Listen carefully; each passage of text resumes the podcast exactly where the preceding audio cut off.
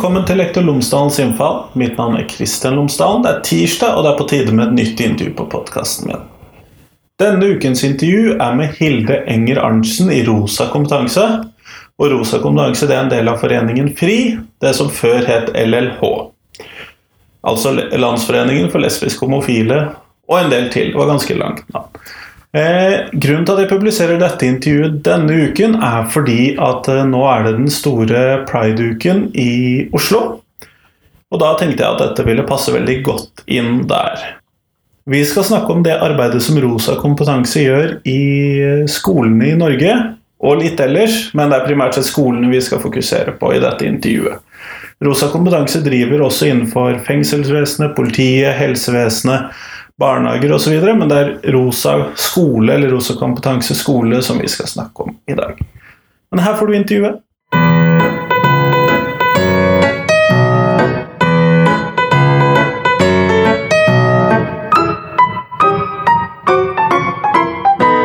Tusen takk for at du har kommet for å prate med meg, Hilde Enger Arntzen. Bare hyggelig. Før vi starter med selve podkasten, kunne du ha fortalt lytterne mine tre ting om deg selv? Ja, det kan jeg. Eh, jeg er jo en optimist som tror det går bra til sist. Men jeg tror ikke på at endring ikke Det skjer ikke av seg selv. Vi må jobbe litt for det. Det må vi. Eh, og så er jeg grunnskolelærer. eh, Som før jeg begynte å jobbe som rådgiver i Rosa kompetanse skole, så jobba jeg på en ungdomsskole i Oslo. Og ellers så lever jeg livet mitt utenfor jobb sammen med kone og katt. Kone og katt, ja. Ja men det hørtes bra ut. Ja. Eh, og du nevnte jo nå det som vi skal snakke om i dag, og det er rosa kompetanse. Ja. Eh, og det er vel kanskje det som også har fått deg til Bergen i dag? Ja, det er det. eh, for det er jo midt i Når vi gjør opptaket, for de som hører på, så er det midt i regnbuedagen i Bergen. Ja. Eh, men kan du fortelle, hva er rosa kompetanse? Du, Rosa kompetanse er um, Vi plasseres som en fagavdeling i FRI, Foreningen for kjønns- og seksualitetsmangfold. Det som tidligere het LLH. Stemmer. Og vi i Rosa kompetanse er ansatt i FRI som en del av sekretariatet. Men vi er et kompetansemiljø som har profesjonsfokus. Um, så det begynte som et helse- og sosialtiltak i 2006. Og så har vi siden det fått flere ulike tiltak som da henvender seg til de ulike profesjonene i helse- og sosialsektorene. Skolesektoren som jeg jobber med. Barnehage. Eh, justis. Arbeidsliv. Og også barnevern. Ja, det har bygget seg ut en del. Jeg må innrømme, jeg tror ikke jeg hadde fått med meg mer enn rosa helse, rosa justis og rosa skole. Nei, sant? Og det er vel eh, de største tiltakene våre, men vi ser også at de alle tiltakene vokser over tid. Så for skolens del så begynte vi i 2012. Um, og vi er ansatt som rådgivere, så vi er tilgjengelige um, for veiledning og faglig rådgivning til da skoleansatte uh, når det gjelder temaer knytta til seksuell orientering, kjønnsidentitet og kjønnsuttrykk. Um, så vi er tilgjengelige på mail og telefon. Og så driver vi med mye undervisning og kompetanseheving gjennom, gjennom kursing. Ja, for dere retter dere ikke mot elevene eller mot foreldrene, eller noe sånt. Dere retter dere primært sett mot lærerne. Ja. Mot sånne som meg. Ja, rett og slett. Ja, men så bra. Ja. Eh, Men det er et ganske spesifikt formål, da. ja, vi har et ganske tydelig mandat eh, om da å heve kompetansen om kjønns- og seksualitetsmangfold blant mennesker som jobber med mennesker. Hvor vi da har valgt å ha et profesjonsfokus hvor vi har delt i ulike fagfelt. da. Eh, Så da vi som jobber med det, har da fagbakgrunner og utdanninger som ligner de som vi møter. Så at vi har et, eh, ja, et fag, fagperspektiv, at det er litt uavhengig av på en måte den politiske eller aktivistiske delen av FRI. da. Ja, Mm. Så dere skal være praksisnære, med andre ord. Ja, vi prøver da. Eh, Og da får vi veldig god hjelp gjennom at vi har samarbeid med profesjonsorganisasjonene. Eh, Utdanningsforbundet f.eks., som er en sentral viktig aktør. Og vi har også en styringsgruppe tilknytta de ulike tiltakene. Med fremtredende fagfolk både når det gjelder skolefeltet f.eks., eh, men også når det gjelder kjønn og seksualitet. Som hjelper oss veldig med at det vi holder på med er eh, ja, praksisrelevant og, og faglig. Ja, For ditt område i dette, det er rosa skole. Ja. Det er alltid litt gøy å si det. ja, det er det. Eh, Men hvorfor er det behov for dere? Det er jo selvfølgelig Et åpenbart sånt spørsmål. Ja. Eh, vi ble jo eh, etablert med da støtte fra Kunnskapsdepartementet i første omgang, og nå er det Utdanningsdirektoratet og Helsedirektoratet som finansierer eh, tiltakets skole. Eh, og Bakgrunnen for at vi ble etablert, handla om noe at LK06 sier en del om at dette skal lære undervise om. Ja, det er jo mange punkter der i forskjellige fag. Ja, og med våre litt rosa briller så finner vi jo veldig mange anledninger til å undervise om det. Um, men det er mange spesifikke fortsatt. Um, og det vi vet, er at mange lærere erfarer at gjennom utdanningene sine så lærer man lite om det. At man mangler sånn faglig substans i å kunne undervise på en faglig forsvarlig måte. Um, og ting vi ikke kan så mye om, eller som vi er litt usikre på. Det unngår vi jo gjerne. Det er mange elever som har erfaring med at undervisning knytta til dette er mangelfull og ofte litt ekskluderende. Um, og det andre måte, hovedårsaken til at vi finnes, handler om at vi um, er et, et forebyggende tiltak mot identitetsbasert mobbing. At vi ser at det er mange barn og unge som bryter med normer for kjønn og seksualitet, som er en særskilt sårbar gruppe. Eh, og at lærere trenger da verktøy for å kunne ja, avdekke, forebygge, håndtere og følge opp denne type krenkelser og mobbing. Ja, fordi at eh, Kunnskapsministeren sa vel det på Oslo Symposium av alle steder at eh, homo er det mest brukte ordet til mobbing i norske skoler? Ja, det er i hvert fall et av de aller mest brukte. Helt klart. Eh, så noe handler om fag, og noe handler om på en måte psykososiale miljø, men vi tenker jo også at inkluderende undervisning er forebygging i praksis, også når det gjelder mobbing. Mm. Jeg ser den. Jeg kjøper den, for ja. å si det sånn. Eh, men når vi da ser at dette mangler i skolen, hvordan er graden av innpass inn i skolen for dere? Ja, eh, altså jeg må si at Utgangspunktet vårt er, og det gjelder hele Rosa kompetanse, er at vi tenker at folk flest ønsker å gjøre en best mulig jobb. Ja, det regner jeg jo med. Ja, ikke sant? Også når det gjelder disse temaene. Eh, men vi ser at ofte er det et sånn manglende samsvar mellom hva da en lærer er forventa skulle håndtere, både faglig og ellers, på en god måte, og hva man lærer om. Um, så Vi er veldig nøye på at i tilnærminga vår så er ikke vi rundt og reiser rundt og forteller folk hvordan de skal gjøre jobbene sine. Vi tenker at det må den enkelte vurdere selv, og at vi har veldig respekt for det arbeidet som, som lærere gjør. Um, at vi gir noen uh, råd og noen faglige uh, tips ut fra forskning og ut fra erfaringer som vi har. Um, og den tilnærminga gjør at vi uh, ikke trenger å jobbe så mye med innpass som man gjorde før. Eh, I stor grad nå så er det mange som vet om at vi finnes, og at vi blir kontakta til å reise rundt.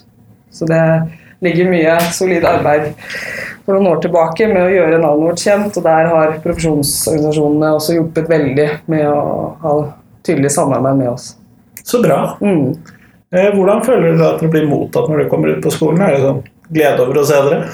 Ja, vi er veldig takknemlige for å ha denne, disse jobbene, altså, fordi folk blir veldig takknemlige for å få, få hevet kunnskapen sin om det. Veldig mange er redd for å si noe feil. Er redd for å liksom, ta i det i det hele tatt. For at noen skal bli ja, oppleve at man krenker noen uten å ville det, f.eks. Så da få, få, et språk, få noen råd og verktøy til å kunne snakke om det på en trygg måte, som jo er i logoen vår, da, snakk trygt. Ehm, det, ja, det blir vi godt mottatt på. Så bra. Mm. Det er jeg jo veldig glad for å høre. Ja. Jeg, har jo, jeg var jo den rare i FAU en gang som bestilte Rosa skole til å komme til barnehagen for å snakke om dette. Ja, så fint. Eh, vi måtte da få alle de ansatte på jobb til å møte sånn at de også kunne snakke for da var det innenfor deres mandat, selv om det egentlig var til foreldrene. Ja, ikke sant. Ja. eh, nødvendig, den barnehagen. Men eh, det var litt gøy. Ja. Eh, men når dere da er ute, hva er det dere prøver å formidle om dette temaet? Eller det er vel egentlig flere temaer, men eh, Ja, ikke sant. Um, altså Hovedinnholdet vårt handler om at vi ønsker å gjøre det altså gjøre lærere og skoleansatte tryggere på disse temaene, slik at man i større grad kan ivareta og håndtere eh, situasjoner og folk som bryter med forventninger til, eh, til kjønn og seksualitet. Um, og det gjør vi da gjennom å bruke noen erfaringshistorier fra levde liv. Eh, vi bruker forskning, mobbetall, eh, helse- og levekårsundersøkelser på LHBT-gruppa som, eh, som gruppe. Eh, vi eh, ja, har caser. Vi diskuterer. Vi har en ikke-kontrollerende undervisning hvor vi ønsker at de som deltar, er, er aktive eh, og får tenkt. Eh, vi ønsker at man Minst mulig pekefinger. Man. Ja, rett og slett. Opplever at det fungerer veldig mye bedre, og at eh, de aller fleste vi møter, har erfaringer eh, ja, fra yrkesliv eller andre steder. eh, som de ofte knytter temaene Eller ja, de kommer på. Elever som de har hatt, eller foresatte, eller Så tenker jeg hva kunne, hva kunne jeg gjort annerledes der? Gikk jeg glipp av noe? Fordi mye handler jo kanskje om å, å, å prøve å se faktisk se mennesker for hele mennesker. Eh, der hvor kjønn og seksualitet er viktige variabler av hvem vi er, og som vil påvirke en elevs eh, hverdag. Vi sammenligner det ofte med å ha en rygg. Eh, og Ja, nå er jeg spent. at eh, jeg har en rygg, f.eks., og når jeg ikke har vondt i den ryggen, så tenker jeg ikke veldig mye over at jeg har en rygg. Da bare er den der, og så gjør den, fungerer som den skal. Men i det øyeblikket jeg får vondt i, i ryggen min, så kjenner jeg den, og da kjenner jeg den egentlig uansett hva jeg holder på med. Og sånn kan det være også for elever som har vondt i sin seksuelle orientering eller vondt i sin kjønnsidentitet. Som skiller seg fra de andre elevene. Ja, på bakgrunn av da reaksjonene. Ja. Ja. Um, så er det noe som påvirker å være med en, og da påvirker det ja, muligheten til å lære bokstav eh, regning, holdt jeg på å si, og Ja, fordi elevene blir så opptatt med det som svirrer rundt oppi hodet til Ja. at de får plass til nye tanker. selvfølgelig. Så du er redd for at noen skal igjen kalle deg homo i friminuttet fordi du trenger ikke å være det engang, men du bryter med en forventning om kjønnsuttrykk, f.eks. Um, så er det vanskelig å konsentrere seg om det du på en måte egentlig skal gjøre på skolen. Og vi vet jo at det er Ja, vi har en, vi har en seksuell orientering, vi har en kjønnsidentitet også på skolen, da. Er det bevisst at du bruker ordet seksuell orientering fremfor legning, f.eks.? Nå? Ja, det, det er det. Uh, og så vil det være folk som bruker seksuell legning, eller bare legning, uh, også. Uh, men seksuell orientering er det som brukes i LK06, og som i stor grad er det begrepet som, um, som mange opplever at på en måte beskriver at seksualitet er litt mer dynamisk, eller i, ikke nødvendigvis i en eller annen veldig fastsatt bås. Noe som kan oppleves flytende, f.eks. Mens legning kan for noen oppleves som litt sånn et stempel i panna, så er man den som er veldig annerledes eh, hele livet. Og for noen så kan det være at sin seksuelle orientering som lesbisk f.eks. ikke oppleves som flytende eller dynamisk i det hele tatt, men at orienteringsbegrepet inkluderer på en måte det som også ikke opplever det sånn. da. Nettopp. Det høres jo ganske gjennomtenkt ut. Eh, Jeg har slitt litt selv med å føle på forskjellen mellom begrepene på det punktet der. Mm. Så det var egentlig litt gøy å høre. Ja. Eh, Men når dere da er ute, eh, følger dere opp disse skolene på noen måte, eller er det er dere bare ute og håper at det forandrer seg eller blir bedre, eller hva man nå skal putte på dette her? ja, så, ja det, det varierer eh, litt fra hva som er grunnen til at de kommer dit. Eh, når vi da snakker om selve kursinnholdet eller undervisning. Vi gjør veldig mye forskjellig i både forskjellige måte, form og rammer og tidspunkt og sånn. Eh, men det er ikke uvanlig at, at vi blir kontakta fordi skoleledelsen f.eks. ser at ok, nå har vi en elev her som som bryter med en eller annen forventning som vi ikke vet helt hvordan vi skal håndtere. på en god måte. Og og så kommer vi, og så er noe av det er undervisning da fra oss. Um, og det er ikke vanlig at vi, vi, vi har samtaler og dialog i etterkant om hvordan det har gått. Hørtes viktig ut. Nei, jeg har jo sett det, vi jeg er også konfirmasjonsleder. Ja. Det er jo særlig der jeg møter eh, hvor man kommer fra litt forskjellige miljøer og Mm. ser forskjellige kulturer på skolen, og så kommer veldig forskjellig konfirmantmasse. Ja, det er sant. Eh, Så der, synes- siden jeg nå jobber på videregående og ser ganske begrenset antall elever til enhver tid, Mm. så er det litt spennende også. Ja, ikke sant.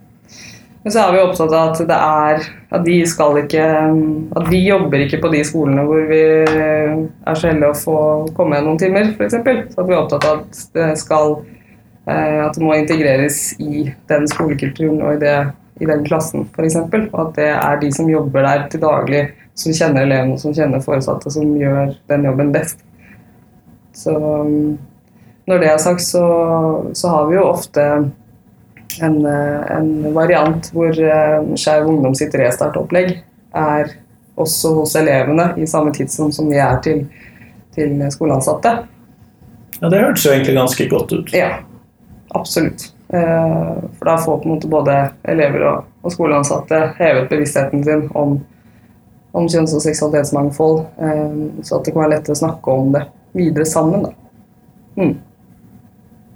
Hvordan opplever du at holdningene mot homofile og andre skeive er i Norge i dag? Jeg, jeg, jeg har jo helt inntrodd at det har vært på vei oppover, men så ser jeg jo noen sånne backlashes nå med disse nazimarsjene nede i Østfold og litt annen moro i gåseøynene. Mm. Ikke sant? Ja, nei, det er um, Det er ikke ett entydig svar på det. Vi ser jo at det hele tiden er um, ulike meninger og holdninger som um, ja, som ikke Det er jo aldri sånn at liksom, ok, nå, nå er vi enige om dette, og så går vi alle i samme retning. Det ville kanskje vært litt mye å hoppe på. Nei, sånn. Ja. Um, og det er jo noe av utfordringen i Norge i dag. Handler jo noe om at fordi at på relativt kort tid fra på en måte 1972 og avkriminalisering av, av eh, menn som har sex med menn, til da 2017 hvor likekjønnede par kan gifte seg og samme rettigheter og plikter, og til og med også i kirkene. Eh, Så har det skjedd veldig mye på kort tid, særlig når det gjelder seksuell orientering. Og i fjor fikk vi ny lov om endring av juridisk kjønn, så det skjer mye sånn positivt, eh, eller positiv retning når det gjelder rettigheter. Um, og da kan det bli en sånn fallgruve eller en sånn grøft å gå i. da, Og tenke at nei, men er vi ikke ferdig med dette nå? Trenger vi å snakke om det her? Er ikke dette greit? Um, og vi ser jo, Vi reiser jo da i hele Norge, og det er veldig fascinerende å se hvor ulikt det er akkurat der hvor folk bor. Og at det handler veldig mye om hvordan er det her, på dette stedet, på dette skolen og i dette klasserommet. Ja, Man ser vel kanskje ikke så mye utover det hvis man først er i lokalsamfunnet. Nei, hvis man har på en måte perspektivet til, til barn eller unge, da. Eh, Så selvfølgelig påvirkes man av de store linjene, men i hverdagen så tenker vi at eh, så jobber vi med at, at skoleansatte og andre voksne da eh, forstår hvor viktig det er. De holdningene de viser. Ja, at man kan gjøre en forskjell, en stor, stor forskjell for de barna som kanskje kjenner på i 2017 at man er den eneste ene som opplever kjønn på denne måten, eller trodde ikke det var mulig at to jenter kunne gifte seg. For ofte så er det litt sånn um, når man er ung, at hvis man ikke har erfart det nært i sitt liv, så fins det på en måte ikke helt. Nei, Da er man den eneste ene Mm. som er denne raringen inni Ja. hjørnet. Ikke sant? Så, og FRIs kampanje nå i forbindelse med pridene gåforvei.no eh, prøver jo å synliggjøre det. Hvor man har henta inn enkelthistorier fra hele Norge. Hvor det er mennesker som av ulike grunner ikke kan eller tør å gå i prideparaden. Og det er ganske, det er både hjerteskjærende å, å lese de historiene, og så er det jo eh, tenker, tenker jeg en stor motivasjon for, eh, for folk å da gå for de. Ja, for Hvordan er det egentlig å vokse opp som ung og skeiv i Norge i dag? Sånn, har vi noe, vet vi noe om dette her? Ja, vi vet eh, noe hvor forskningen ofte ikke er veldig sånn å rope hurra for. og, og, Så det trengs litt mer forskning. det, ja, det gjør det. Eh, men samtidig så i USA så finnes det jo f.eks. forskning som har um, sjekka eller prøvd å kontrollere da hvordan kjønnskreative barn eller barn som ikke er helt enig i det kjønnet folk sier at man er, eller ja, som uttrykker kjønn på en eller annen uforventa måte. da. eh, hvordan de har det, eh, sammenligna med, barn som ikke gjør det, som eh, faller mer innenfor normene, eh, hvor da begge grupper opplever støtte fra omgivelsene sine, fra familie og, de nærmeste. Eh, og at disse barna har det like bra. Altså Det er ikke det i seg selv som avgjør hvordan livene blir, men det viser oss hvor mye det har å si å oppleve støtte eh, fra de nærmeste for den man er. Og Da er det viktig at skolen også følger på. Helt klart. Skolen er en sånn grunnleggende institusjon i, i, i barn Ja, det er vel fem til sju timer hver dag. Ja. 220 nei, 190 dager i året. ja, ikke sant? Det er ganske mye tid. Ja, det er det. Men det- man treffer alle de andre også. Det er det. Eh, Så jeg ser den. Mm. Eh, Jeg mener at jeg så noe med at det var litt bedre å vokse opp i by hvis man var skeiv enn på landet, men at det var veldig fint å flytte på landet etterpå når man var voksen. Ja, ja den Skjerv på bygda-rapporten er veldig interessant. Og den, den viser jo Hovedfunnene er på en måte det samme som den største helse- og levekårsrapporten vi har, fra, som er fra 2013. Eh, som Uni helse her i Bergen eh, laga. Eh, at i da 2013 så er, eh, er likhetene større enn en forskjellene. Da så man på bare lesbiske, homofile og bifile. da. Eh, men at folk under 30 år og bifile kvinner eh, kommer svært dårlig ut. At man er en særskilt sårbar gruppe. Og at det er det samme som i, i Skeiv på bygda-rapporten, at det er ungdomstida som ofte eh, ja, er veldig utfordrende for mange. Eh, hvis man da ikke opplever støtte i omgivelsen, det er hvor man bor. For hvis man bor på et lite sted, og det er på en måte i, orden, eh, blant familie, blant venner på skole og ellers, eh, så er ikke det å bo på et lite sted noe negativt.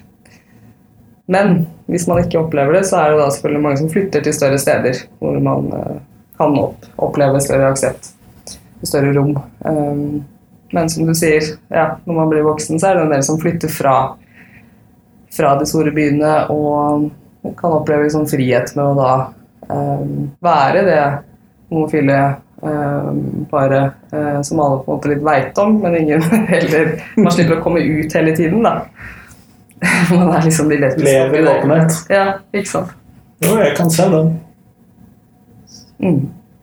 Eh, Men hvis man da som studentgruppe eller som eh, lærerkollege eller skole eller et eller annet skulle ha lyst til å få besøk av dere, hvordan går man fram for å få til det? Ja, da kan man enten ta kontakt med oss eh, på mail. rosakompetanse i ett ord etter foreningenfri.no. Burde være en lett adresse, det. ja, ikke sant? Eh, Du kan også skrive til oss på Facebook-siden vår. eh, Ringe oss. Finner informasjon også på foreningenfri.no. Det er ganske greit å få tak i dere, med andre ord. Ja, vi, er, vi prøver å være så tilgjengelige som mulig. Og, eh, ja. Men koster dette noe for skolene, da? Nei, som regel ikke. Vi er i stor grad eh, finansiert eh, for reisevirksomhet. Eh, men vi sier jo ikke nei dersom man har noen midler til honorar eller reisedekning, men det er ikke avgjørende for at vi kommer. Det er, det er ofte litt forskjellig økonomi om man er en stor utdanningsinstitusjon eller en barneskole. Ja. Så der tilpasser vi oss hva oppdragsgiver har mulighet til. Det er jo ganske trivelig, da. For informasjonen må jo ut. Ja, vi er veldig glad for å kunne bidra til det.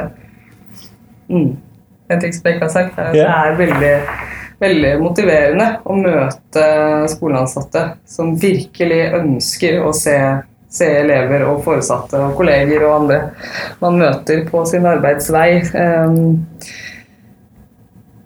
og at eh, vi er veldig opptatt av det at det ikke Du trenger ikke nødvendigvis ha studert tverrfaglige kjønnsstudier for å kunne håndtere dette på en god måte, men at mye handler om å kunne ha noe kunnskap om begreper og ord. eh, ha noe eh, noen erfaringshistorier med deg som gjør at du kan sette deg inn i andre situasjoner og vite noe om hvordan det kan være. Men det viktigste handler om at man, at man tør, å, tør å snakke om det. Ikke være så redd for å si noe feil at man aldri sier noe. Fordi den uh, usynliggjøringen, den tausheten som veldig mange barn og unge går gjennom da hele barneskolen og, og ungdomsskolen og kanskje videregående også uten at noen forteller dem noe om det mangfoldet man er en del av, Um, ja, der ser vi at vi, vi har en jobb å gjøre. Ja, jeg ser det. Ser det. Mm. Um, hvis vi nå skal ta oss og runde av podkasten med mitt faste, vanlige spørsmål uh, Hva du ville gjort i norsk skole hvis du hadde fritt mandat og fritt budsjett? Det som jeg på vits har kalt uh, skolediktatorspørsmålet. Ja. Hva ville du gjort i norsk skole da? Jeg tror hvis jeg skulle fått lov til å gjøre det på liksom strukturnivå, eh, så ville jeg økt lærertettheten kraftig. For å bedre den muligheten man har da, for relasjonsbygging mellom lærer og elev. Eh, Du har ikke så god tid når du har 30 småtroll på seks år. Nei, man har ikke det, altså. Så det er jo ja, den tida det tar da, for å bli kjent med, med folk for den de faktisk er, og da sikre muligheten som Og da på en måte kravet skoleansatte har da, om å ja, forebygge, avdekke, håndtere og følge opp identitetsbasert mobbing, tenker jeg spesielt på da. Jeg møter mange skoleansatte som ønsker i større grad å se og ivareta den enkelte elev for den de er, men som kan stå i en veldig hektisk arbeidshverdag hvor man kjenner et press om at uh, Det er så mye du må få gjort. alt må ja, forankres faglig, og så er det vanskelig å se at dette også handler om faglighet. Uh, og et sånt effektivitetspress. effektivitetspress. Jeg ser den. Ja. Nei, men Det var et uh, godt forslag. Tusen takk. Takk for at du ville prate med meg. Bare hyggelig.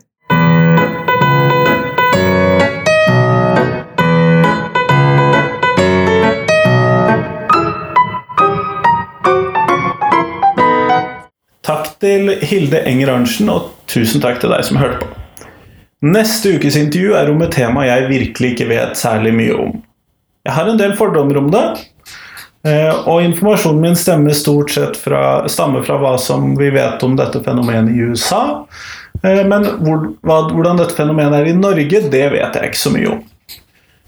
Dette temaet som vi skal snakke om neste uke, er hjemmeundervisning, unschooling, homeschooling osv. Forskjellige navn på lignende type bevegelser. Neste ukes intervjuobjekt er Christian Beck, som eh, tidligere underviste på Universitetet i Oslo, og som er en av Norges ledende eksperter på dette området. Fram til neste gang så kan du like podkasten på Facebook. Du kan gi den en stjernemarkering eller en anmeldelse på iTunes. Du kan følge den på Soundcloud, eller du kan dele den med en venn eller bekjent om du skulle føle for det. Jeg blir i hvert fall veldig glad om du gjør det. Så fram til neste gang, ha det!